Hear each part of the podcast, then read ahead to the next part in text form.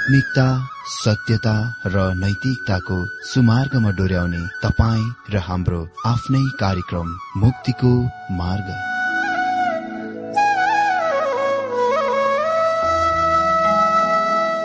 आदरणीय श्रोता यस मुक्तिको मार्ग कार्यक्रममा हार्दिक स्वागत छ। आशा छ यस आत्मिक कार्यक्रमद्वारा जीवनमा आत्मिक आशिष अलौकिक शान्ति र आनन्द प्राप्त गर्नुहुनेछ। र जीवनमा धन्य अनुभव गर्नुहुनेछ। आउनुहोस् श्रोता। मन र आत्माको तयारीको लागि यो मिठो अनि मधुर भजन गीत सुनौ।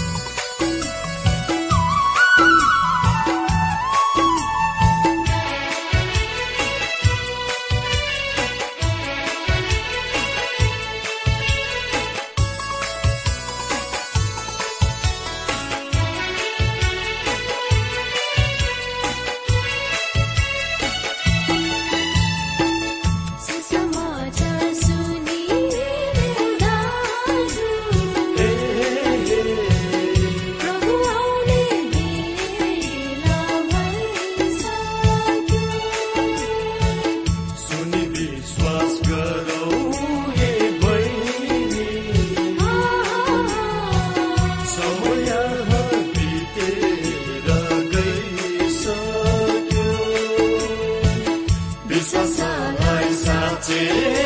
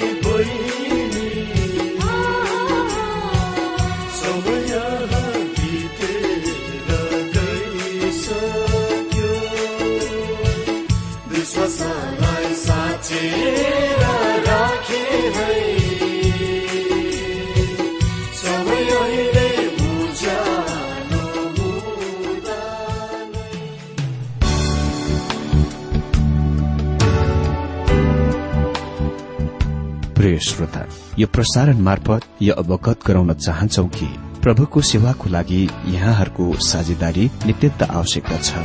यहाँहरूले प्रार्थनाको साथसाथै आर्थिक सहायता गर्न अनुरोध गर्दछौ। तपाईँहरूको सानो भन्दा सानो भेटी किन नहोस्? हामी प्रभुको नाममा स्वीकार गर्नेछौ प्रभुको सेवाको लागि। तपाईँहरूको यो सानो लगानीले कसैको जीवनमा भिन्नता ल्याउँछ अनि प्रभुको महिमा हुन्छ। प्रभु तपाईँहरूलाई महान गरी आशिष दिनुहुनेछ। इच्छुक श्रोताहरूले तपाईँको इच्छा भेटी हाम्रो ठेगानामा पठाउन सक्नुहुन्छ जुन ठेगाना हामी कार्यक्रमको अन्तमा दिनेछौ। प्रिय श्रोता मित्र प्रभु येशु ख्रिष्टको मधुर अनि सामर्थ्यमा मेरो जयमसी तथा हार्दिक स्वागत छ आजको यो बाइबल अध्ययन कार्यक्रममा। श्रोता अघिल्लो दिनमा हामीले सत्य विश्वास त्यागको वृत्तान्तहरू मुख्य विषय अन्तर्गत सत्य विश्वास त्यागको शुरूआत भन्ने उपविषयबाट अध्ययन गरिरहेका थियौं। आज हामी यहुदा एक अध्यय पाँच र छ पदबाट अर्को दुई उपविषयहरूबाट बाइबल अध्ययन गर्नेछौ। अर्थात उजाड स्थानमा इसरायल अविश्वासमा नष्ट भए र स्वर्गीय दूतहरूले विद्रोह गरे र सांग्लाहरूमा बाँधिएर राखिए। त सर्वप्रथममा हामी देख्छौ उजाड स्थानमा इसरायल अविश्वासमा नष्ट भए। अहिले यहुदा हामीलाई भूतकालमा छवटा सत्य विश्वास त्यागको उदाहरण दिन गइरहेका छन्। यस खण्डमा हेर्नुभन्दा पहिले तपाईँलाई याद दिलाउन चाहन्छु कि अपोस्टेसी वा सत्य विश्वास त्याग भनेको के हो? थेयरले ग्रीक शब्द एपिटेमीको लागि यो अर्थ दिन्छन् हट्नु टाढा जानु प्रस्थान गर्नु। जब यो शब्द दोस्रो थिस्लोनिकामा प्रयोग गरिएको बेलामा चाहिँ यो विचार लिँदैछु कि यससँग दुई प्रकारको अर्थ छ। यो चाहिँ चर्च वा मण्डलीको हटाई वा त्यहाँबाट अलगै लाने कुरा हो।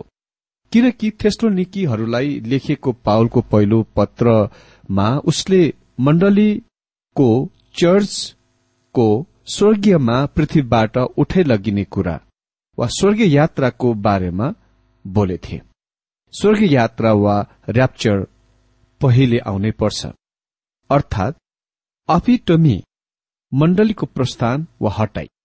पृथ्वीबाट विश्वासीहरूको हटाईले सम्पूर्ण सत्य विश्वास त्याग वा सम्पूर्ण सत्य विश्वास त्याग वा अपस्टेसीतिर अगुवाई गर्नेछ। अनि अपस्टेसी जुनलाई म सत्य विश्वास त्याग भन्दछु यो चाहिँ विश्वासबाट भौतारी जाने प्रस्थान हो। हाम्रो प्रभु येशुले प्रश्न सोध्नुभयो लुका अठारको आठ पदमा जब मानिसको पुत्र आउँछ तब उनले के पृथ्वीमा विश्वास पाउनेछ र? जुन तरिकामा यो प्रश्न सोधिएको छ यसले ग्रीकमा चाहिँ नकारात्मक उत्तरको माग गर्दछ। त्यसकारण उत्तर हो अह उहाँले पृथ्वीमा विश्वास पाउनुहुने छैन। जब उहाँ पृथ्वीमा फर्किआउनुहुन्छ त्यहाँ पूर्ण प्रस्थान पूर्ण सत्य विश्वास त्यागले स्थान लिनेछ। अनि अहिले त्यो सत्य विश्वासीहरू पृथ्वीबाट हटाइँदैनन् तबसम्म त्यो आउन सक्दैन। अनि विश्वासीहरूको पृथ्वीबाट हटाइ लैजाने कुरा निश्चय नै कुनै पनि क्षणमा घट्न सक्छ।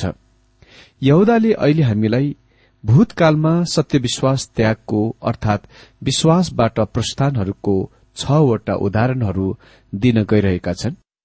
त्यहाँ तीन झुण्ड वा समूह हुनेछ। त्यसपछि तीन व्यक्ति विशेषहरू। सर्वप्रथममा तीन समूह वा झुण्ड।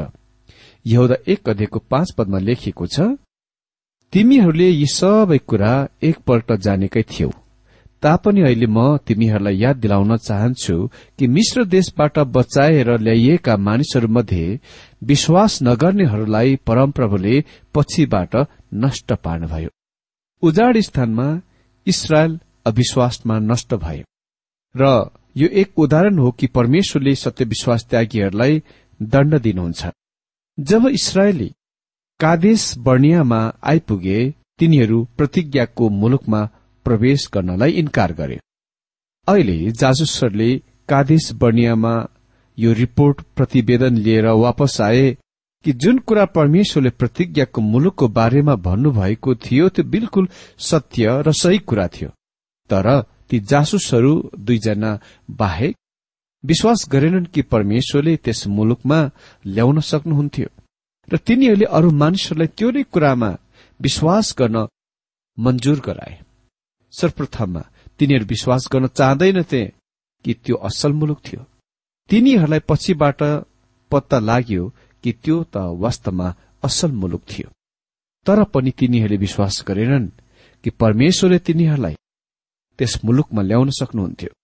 परमेश्वरलाई विश्वास गर्नुभन्दा बरु उजाड स्थानमा नै रहन रुचाए। मन पराए। त्यो सत्य विश्वास त्याग विश्वासबाट प्रस्थान वा पछि हट्ने कुरा हो। तिनीहरू त्यो सम्पूर्ण आधारबाट प्रस्थान गरे जुन तिनीहरूले मिश्र छोडेथे परमेश्वरले तिनीहरूलाई यसको दुई भागहरूसहित प्रतिज्ञा दिनुभएको थियो। म तिमीहरूलाई मिश्रबाट निकाली ल्याउनेछु। र म तिमीहरूलाई प्रतिज्ञाको त्यस मुलुकमा ल्याउनेछु। तर इसरायलको अविश्वासले तिनीहरूलाई उजाड स्थानमै धकेल्यो र परमेश्वरले तिनीहरूलाई अरू अडतिस वर्षको लागि त्यहाँ नै छोडिदिनुभयो जबसम्म खालि यहोसु र कालेबलाई छोडेर सम्पूर्ण पहिलो पिढ़ी त्यहाँ उजाड स्थानमा नै मरेनन्। ती इसरायलीहरूले आफ्ना सन्तानहरूलाई त्यस प्रतिज्ञाको मुलुकमा नजानको लागि बहानाको रूपमा प्रयोग गरे। त्यसकारण परमेश्वरले भन्नुभयो गन्ती चौधको एकतिस पदमा लडाईँमा सखाफ हुन्छन् भनी तिनीहरूले भनेका तिमीहरूका छोराछोरीहरूलाई चाहिँ म त्यहाँ पुर्याउनेछु र तिमीहरूले अवहेलना गरेको ठाउँ तिनीहरूले प्राप्त गर्नेछन्। मेरो प्रिय मित्र हाम्रा आफ्नै जीवनहरूमा पनि कहिलेकाहीँ प्रभुलाई सेवा नगर्नको निम्ति हाम्रा बच्चाहरूको कल्याण वा उन्नतिलाई बहानाको रूपमा प्रयोग गर्दछौ। जबकि त्यो अति नै भद्र र राम्रो कुरा सुनै परे तापनि। हामीले वास्तवमा हाम्रा बच्चाहरूकै कल्याण वा उन्नतिको मनमा सोचेर विचार गरेर यस्ता कथनहरू बनाउँदैनौ। यदि यही नै सोचे हाम्रा मनमा भए हाम्रो तात्पर्य हाम्रो अर्थ यो हुन्छ कि परमेश्वरले हाम्रा बच्चाहरूका सोचिरहनु भएको छैन। उहाँले वास्ता गर्नुहुन्न। मित्र वास्तविकता यो हो कि परमेश्वरले तिनीहरूका र हामीलाई वास्ता र ख्याल गर्नुहुन्छ जब हामी उहाँको आज्ञा पालन गर्दछौ। इसरायलका नयाँ पिढ़ी यर्दन नदी पार गरेर प्रतिज्ञाको मुलुकमा प्रवेश गरे जस्तो परमेश्वरले प्रतिज्ञा गर्नुभएको थियो। तर विश्वासबाट पछि हट्ने सत्य विश्वास त्यागी पीढ़ीहरू चाहिँ उजाड स्थानमै नष्ट भए र तिनीहरू पहिलो उदाहरण हुन् जुन यहुदा दिन्छन्। त्यसपछि हामी देख्नेछौ विद्रोही स्वर्गीय दूतहरूलाई सांग्लामा बाँधिएर राखिए। छ पदमा लेखिएको छ आफ्नो अधिकारको मर्यादा कायम नराखेर उचित वासस्थान त्याग्ने स्वर्गीय दूतहरूलाई उहाँले पातालको अन्धकारमा न्यायको त्यस ठूलो दिनसम्म अनन्त बन्धनमा राख्नु भएको छ। यसले हामीलाई त्यो सत्यताको त्यस प्रकारले खोलिदिन्छ जस्तो कि परमेश्वरको वचनको अन्य खण्डमा यसको यस्तो स्पष्टताको हामी पाउँदैनौ। यद्यपि हामीलाई भनिएको छ कि पतित स्वर्गीय दूतहरूका वा तिनीहरूमाथि दण्ड हुनेछ। तिनीहरूले भूतकालमा अतीतमा आफ्नो पदलाई ओहोदालाई थामिनन् परमेश्वरले स्वर्गीय दूतहरूलाई स्वतन्त्र इच्छासहित सृष्टि गर्नुभएको थियो। स्वर्गीय दूतहरू मानव जातिले जस्तै पुनरुत्थान पाउँदैनन् पुनरुत्थान गर्दैनन् वा पुनरुत्पादन गर्दैनन्। त्यसकारण तिनीहरूसँग मानिसको जस्तो पापपूर्ण स्वभाव छैन। प्रत्येक स्वर्गीय दूत स्वतन्त्र इच्छासहित सृष्टि गरिएका छन्। अहिले यी केही आत्मिक प्राणीहरू विद्रोहमा पकडिए र अहिले तिनीहरूलाई कैदमा सांग्लाले बाँधिएर राखिएका छन्। प्रत्यक्ष रूपमा पतित स्वर्गीय दूतहरूलाई दुई समूहहरूमा विभाजन गरिएका छन्। त्यो झुण्ड जसका विद्रोह अति नै विशाल थियो कि तिनीहरूले सदाको निम्ति बाँधिए र कति पनि तिनीहरूसँग हलचल गर्ने स्वतन्त्रता छैन। अनि अर्को पतित स्वर्गीय दूतहरूका समूहहरूसँग हलचल गर्ने स्वतन्त्रता छ। तिनीहरू शैतानको नेतृत्व मुनि कार्य गर्दछन्। यो स्पष्ट देखाइ पर्दछ कि यिनीहरू शास्त्रमा उल्लेखित दुष्ट आत्माहरू हुन् जुनका हाम्रा दिनहरूमा सुपरिचित छन्। हामी सबैलाई थाहै भएका कुरा हो। मित्र शैतान र दुष्ट आत्माहरू कुनै काल्पनिक पात्र होइन तिनीहरू वास्तविक हुन्। तिनीहरूका अस्तित्व आज पनि छ। त्यसको क्रियाकलाप संसारमा प्रत्यक्ष थियो र आज पनि छ। तिनीहरू आज संसारमा सक्रिय छन्। मित्र मैले पहिले नै भनिसकेको छु कि दुई प्रकारका पतित स्वर्गीय दूतहरूका झुण्डहरू छन् र जो परमेश्वरसँग विद्रोह गरेथे एउटा झुण्ड चाहिँ आज कैदमा सांग्लाले बाँधिएर अन्तिम दण्डको निम्ति राखिएको छ भने अर्को झुण्ड चाहिँ आज स्वतन्त्र छ र तिनीहरू दुष्ट आत्माहरू हुन्। र तिनीहरू शैतानको नेतृत्व मुनि काम गरिरहेका छन्। तिनीहरू शैतानका दुष्टहरू हुन्। तिनीहरू शैतानको लक्ष्य पूरा गर्न काम गरिरहेका छन्।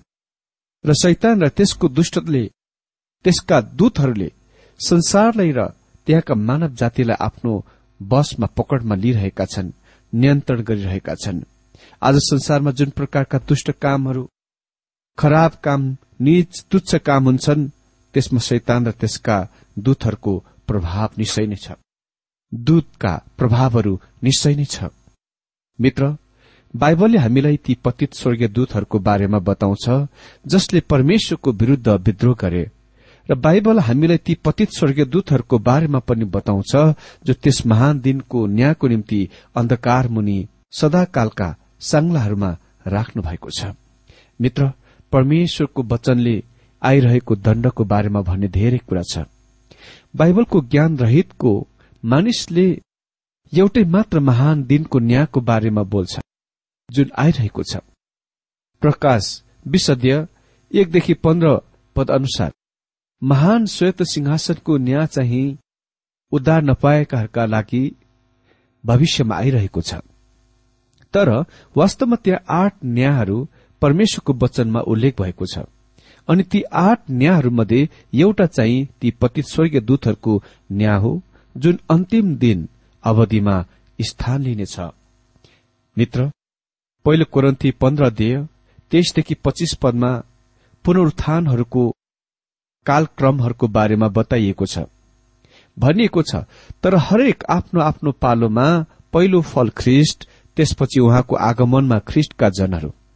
त्यसपछि जब उहाँले राज्य परमेश्वर अर्थात पिताको हातमा सुम्पन्नुहुन्छ जब उहाँले सबै शासन अनि सबै अधिकार र सामर्थ्यलाई नष्ट पार्नुहुन्छ तब अन्त हुनेछ।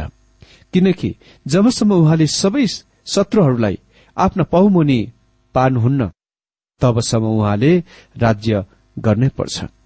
यसरी हजार वर्षीय राज्यकाल अवधिमा यी दुष्ट दुष्ट आत्मिक शक्तिहरूलाई न्याय गरिनेछ। शास्त्रहरूसँग स्वर्गदूतहरूको न्यायको बारेमा भन्ने धेरै कुरा छ। पहिलो कुरन्ती छ दिएको तीन पदमा भनिएको छ हामी स्वर्गीय दूतहरूको न्याय गर्नेछौ। के यो तिमीहरूलाई थाहा छैन? यस जीवन सम्बन्धी कुराहरूको त झन कति बढी। मित्र यो कुनै त्यस्तो कुरा हो जुनको हामीले जान्ने थिएनौ यदि पाउले त्यसको यहाँ उल्लेख नगरेको भए। हामी हजार वर्षीय राज्य अवधिमा हाम्रा प्रभुसँग हुनेछौ। हामी सम्भवत पृथ्वीबाट नयाँ यरुसलेममा जुन हाम्रा मण्डलीको अनन्त घर हो जाँदै आउँदै गर्दछौ ओहोर दोहोर गर्दछौ वा आवत जावत गरिरहन्छौ। अनि कुनै त्यस समय अवधिमा सम्भवत पृथ्वीमा ख्रिष्टको हजार वर्षीय शासन अवधिमा त्यहाँ स्वर्गीय दूतहरूको न्याय हुनेछ। यद्यपि हामी स्वर्गीय दूतहरूभन्दा तल्लो निच दर्जामा सृष्टि गरिए तापनि कुनै दिन तिनीहरूका न्यायमा हामीले पनि भाग पाउनेछौ। पत्रुषले स्वर्गीय दूतहरूको न्यायको बारेमा अर्को पद दिन्छन् जुन यहुदाको सँग मिल्दो जुल्दो छ। दोस्रो पत्रुष दुईको चार पदमा किनकि परमेश्वरले ती स्वर्गीय दूतहरूलाई छोड्नु भएन जसले पाप गरेका थिए। तर तिनीहरूलाई अथा कुण्डमा हाल्नुभयो। अनि न्यायको लागि साँची राख्नलाई अन्धकारका साङ्लाहरूमा सुम्पिनुभयो।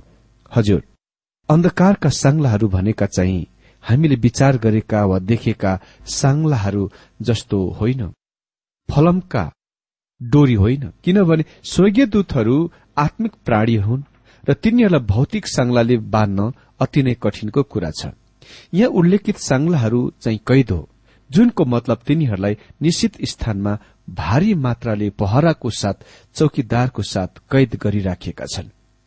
हामीले पहिले नै देखिसकेका छौं कि पतित स्वर्गीय दूतहरूको एक झुन न्यायलाई पर्खिरहेको छ जो निश्चय नै अन्तिम दिनहरूमा आउनेछ। अनि पतित स्वर्गीय दूतका अर्को झुण्ड चाहिँ दुष्ट आत्माहरू हुन् जुन आज पूरा विश्वभरि स्वतन्त्रता साथ सक्रिय छन्। शैतानको नेतृत्व मुनि तिनीहरूले तिनीहरूको अन्त एक दिन हुनेछ भन्ने कुरा तिनीहरूलाई निश्चय नै थाहा भएकोले तिनीहरूका ती संक्षिप्त अवधिमा समयमा जति सक्दो धेरैभन्दा धेरै परमेश्वरको विरूद्ध र उहाँका सृष्टिहरूको विरूद्ध काम गरिरहेका छन्। तिनीहरूले परमेश्वरको योजना बिगार्न मानव जातिलाई के गरेर हुन्छ उहाँबाट टाढा राख्न कोसिस गरिरहेका हुन्छन्। प्रकाशको पुस्तकसँग पतित स्वर्गीय दूतहरूको न्यायको सम्बन्धमा थुप्रै पदहरू र संकेतहरू छन्। प्रकाश विश्वदेवको दश पदमा भनिएको छ अनि तिनीहरूलाई धोका दिने शैतान आगो र गन्धकको झिलभित्र फ्याँकियो जहाँ त्यो पशु र त्यो झुट्टो भविष्यवक्ता पनि थिए। अनि दिन रात सदा सर्वदा तिनीहरू पीड़ाले तटपाइनेछन् यो चाहिँ नर्कको संकेत हो जुन आगोको कुण्ड हो। यदि तपाईँ त्यो वास्तविक आगो हो या होइन भन्ने बारेमा बहस वा तर्क नै गर्न चाहनुहुन्छ भने ठिकै छ। तर्क गर्नुहोस्। तर मेरो विचारमा त्यो वास्तवमा साँच्चीका आगो भन्दा पनि अझ खराब छ। मित्र भन्नु नै पर्दा नर्क कस्तो हुन गइरहेको छ? त्यसको दर्शाउने अति नै कमजोर यो संकेत हो। त्यसो त यी स्वर्गीयदूतहरू आत्मिक प्राणी हुन् अनि आगोले आत्मिक प्राणीमाथि कुनै असर गर्दैन। साँच्चै साँच्चै यो साथै हामी यो पदबाट यो पनि सिक्छौ कि शैतान आज नर्कमा छैन। धेरै मानिसहरू सोच्दछन् कि त्यो अहिले त्यहाँ नै छ नर्कमा नै छ। अह तर त्यसको सट्टामा त्यो र त्यसका दूतहरू त्यसका सेनामेनाहरू दुष्ट आत्माहरू हाम्रा गाउँ घर हाम्रा सहरहरूमा व्यस्त छन्। उसँग निश्चय नै आत्मिक सहायकहरू वा जो दुष्ट आत्माहरू छन्। तर उही समयमा त्यससँग शारीरिक सहायकहरू पनि छन् धेरै मानिसहरू त्यसलाई त्यसको सट्टामा सहायता गरिरहेका छन्। मित्र सम्भवत हुन सक्छ त्यसको महसुस नगरिकन धेरै मानिसहरू त्यसलाई सहायता गरिरहेका छन्।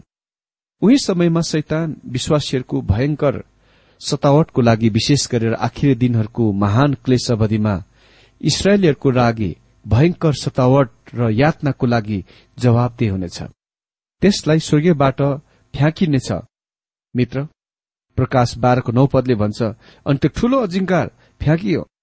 दिया बलस र शैतान भन्ने त्यो पुरानो साँप जसले सारा संसारलाई धोका दिन्छ त्यो पृथ्वीमाथि फ्याँकियो र त्योसँगै त्यसका दूतहरू फ्याँकिए। शैतानलाई र त्यसका दूतहरूलाई राज्य युग अवधिमा कैद गरिनेछ प्रकाश विशदेको एकदेखि तीन पदमा लेखिएको छ अनि मैले एउटा स्वर्गीय दूतलाई स्वर्गीयबाट ओर्लिरहेको देखे जसको हातमा अथा कुण्डको चाबी र एउटा ठूलो सांग्लाको थियो। अनि तिनले त्यस अजिङ्गरलाई त्यस पुरानो साँपलाई पक्रने त्यो जो द्याबोलस र शैतान हो। अनि त्यसले त्यस अजिङ्गरलाई त्यस पुरानो साँपलाई पक्रे जो द्याबलस वा शैतान हो। अनि त्यसलाई हजार वर्षको लागि बाँधे। अनि त्यसलाई अथा कुण्डमा फ्याँकिदिए र त्यसलाई थुनिदिए। अनि हजार वर्ष पूरा नहुन्जेलसम्म जाति जातिलाई अब उसको यसको धोका नआओस् भनेर तिनले त्यसमाथि छाप लगाइदिए। अनि ती कुराहरू पछि त्यो थोरै समयको लागि छोडिनुपर्छ। अनि अन्तिममा त्यसलाई आगोको कुण्डोमा फ्याँकिनेछ जुनको हामीले प्रकाश विश्व दिएको दश पदमा देख्छौ। त्यो नै त्यसको अन्त हो। त्यसपछि निरन्तर ख्रिष्टको राज्य शासन आरम्भ हुनेछ जहाँ कुनै मृत्यु कुनै आँसु कुनै दुख कष्ट समस्या हुने छैन।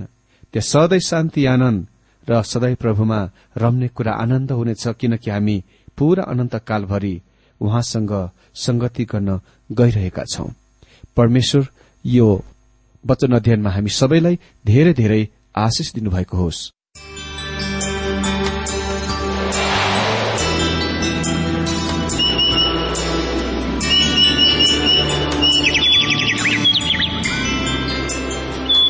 प्रिय श्रोता अहिले भर्खरै तपाईँले टीडब्ल्यूआर नेपालद्वारा संचालित आत्मिक कार्यक्रम मुक्तिको मार्ग सुनिरहनु भएको थियो। श्रोता आजको यो कार्यक्रम सुनेर तपाईँलाई कस्तो लाग्यो? यदि यो कार्यक्रम सुनेर मनमा कुनै खुल्दुली वा कुनै प्रतिक्रिया अर्थात सुझावहरू छन् भने हामीलाई पत्रद्वारा लेख्न सक्नुहुनेछ। हामी हृदयदेखि नै स्वागत गर्नेछौ स्वीकार गर्नेछौ साथै बाइबल सम्बन्धित प्रचारहरू कार्यक्रम सारणीहरू हामी अनुरोधमा पठाउन सक्छौ। अनि तपाईँसँग कुनै प्रार्थनाको विषय छन् भने हामीले तपाईँको लागि प्रार्थना गरेको चाहनुहुन्छ भने प्रभुमा आफ्नै परिवार सम्झेर हामीलाई पत्रमा लेख्न सक्नुहुनेछ। तपाईँको लागि हामी प्रभु येशुसँग प्रार्थना गर्नेछौ। अधिक जानकारी र पत्रचारको लागि हाम्रो ठेगाना यस प्रकार छ। कार्यक्रम मुक्तिको मार्ग जीपीओ नम्बर उनानब्बे पचहत्तर इपिसी पच्चिस एकसठी काठमाडौँ। ठेगाना एकपल्ट सुन्नुहोला। कार्यक्रम मुक्तिको मार्ग जीपीओ नम्बर उनानब्बे पचहत्तर इपिसी पच्चिस एकसठी काठमाडौँ। हाम्रो इमेल एड्रेस हो TWR Nepal at Yahoo dot com साथै यस नम्बरमा एसएमएस गर्न सक्नुहुनेछ। अन्ठानब्बे चार सत्तरी पैतिस छ सय उनासी नौ आठ चार सात जिरो तीन पाँच छ सात नौ। हुन्छ श्रोता आजलाई हामी विदा चाहन्छौ। अर्को कार्यक्रममा हामी पुनः भेट्नेछौ तबसम्मलाई नमस्कार।